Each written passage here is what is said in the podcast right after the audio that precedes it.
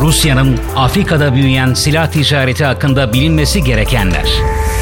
Sovyetler Birliği döneminde Sovyet yönetimi Afrika için sadece büyük bir silah tedarikçisi olmakla kalmadı. Aynı zamanda Soğuk Savaş'ın son yıllarına kadar Afrika'da aktif askeri varlığını da sürdürdü. Bu etki Sovyetlerin çöküşünü takip eden yıllarda azaldı. Zira Rusya'nın ordusu 1990'ların büyük bölümünde durgunluk içerisindeydi. Ancak Kremlin günümüzde Sovyetler Birliği'nden devraldığı mirası bıraktığı yerden devam ettirmeye çalışıyor. Hatta sadece ihmal edilen ilişkileri yeniden inşa etmekle kalmıyor ve Afrika'da beklenmedik yeni hamleler gerçekleştiriyor. Rusya özellikle son 21 yılda en büyük iki rakibi olan Fransa ve Amerika Birleşik Devletleri'ne karşı Afrika'da silah ihracatını katlayarak arttırdı ve liderliği ele geçirdi. Rusya 21 Afrika ülkesine silah satışı gerçekleştirdi. Uluslararası raporlara yansıyan verilere göre Rusya bu dönemde en az 21 Afrika devletine silah satışı gerçekleştirdi. Bunlardan Cezayir ve Mısır açık ara en büyük müşteriler. Cezayir 500'den fazla T-90SA ana muharebe tankı MBT'ler ve 300 modern ise BMPT-72 Terminator 2 piyade savaş aracı da dahil olmak üzere geniş bir Rus ağır askeri teçhizatına sahip oldu. O arada Cezayir'in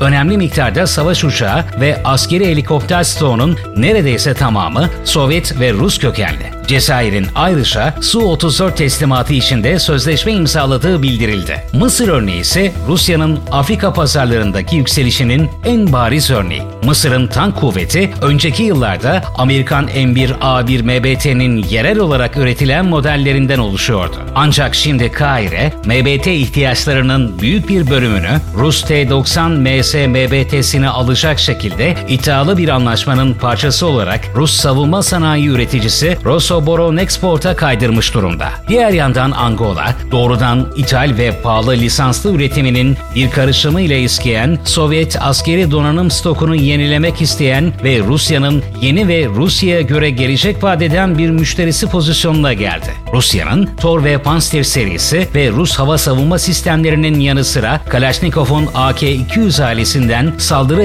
helikopterleri ve saldırı tüfeklerine kadar geniş bir yelpazede savunma ürünü Afrika devletleri arasında popüler hale geldi. Daha yakın zamanlarda Rosoboron Export, BK-10 saldırı botlarını ismi açıklanmayan bir Sahra altı ülkesine satmak için bir anlaşma imzaladığını duyurdu. Bu hareket, Rus silah satışlarının Afrika'ya küçük silahlar ve tanklar gibi yaygın olarak kullanılan kategorilerin ötesinde daha da genişlemesinin altını çiziyor. Rusya'nın silah ticareti Afrika'da etkin olma stratejisinin bir parçası. Ayrıca bu veriler Moskova'nın bir dizi Afrika ülkesiyle siyasi, ekonomik ve askeri ilerlemeler kurma stratejisinin bir parçası olarak görülüyor. Afrika'nın kronik siyasi oynaklığı her türden askeri donanım için sürekli bir talebi garanti ediyor. Bu nedenle Moskova, Afrika silah ticaretine büyük önem veriyor ve hakim pazar konumunu kaybedeceğine dair bir işaret görünmüyor.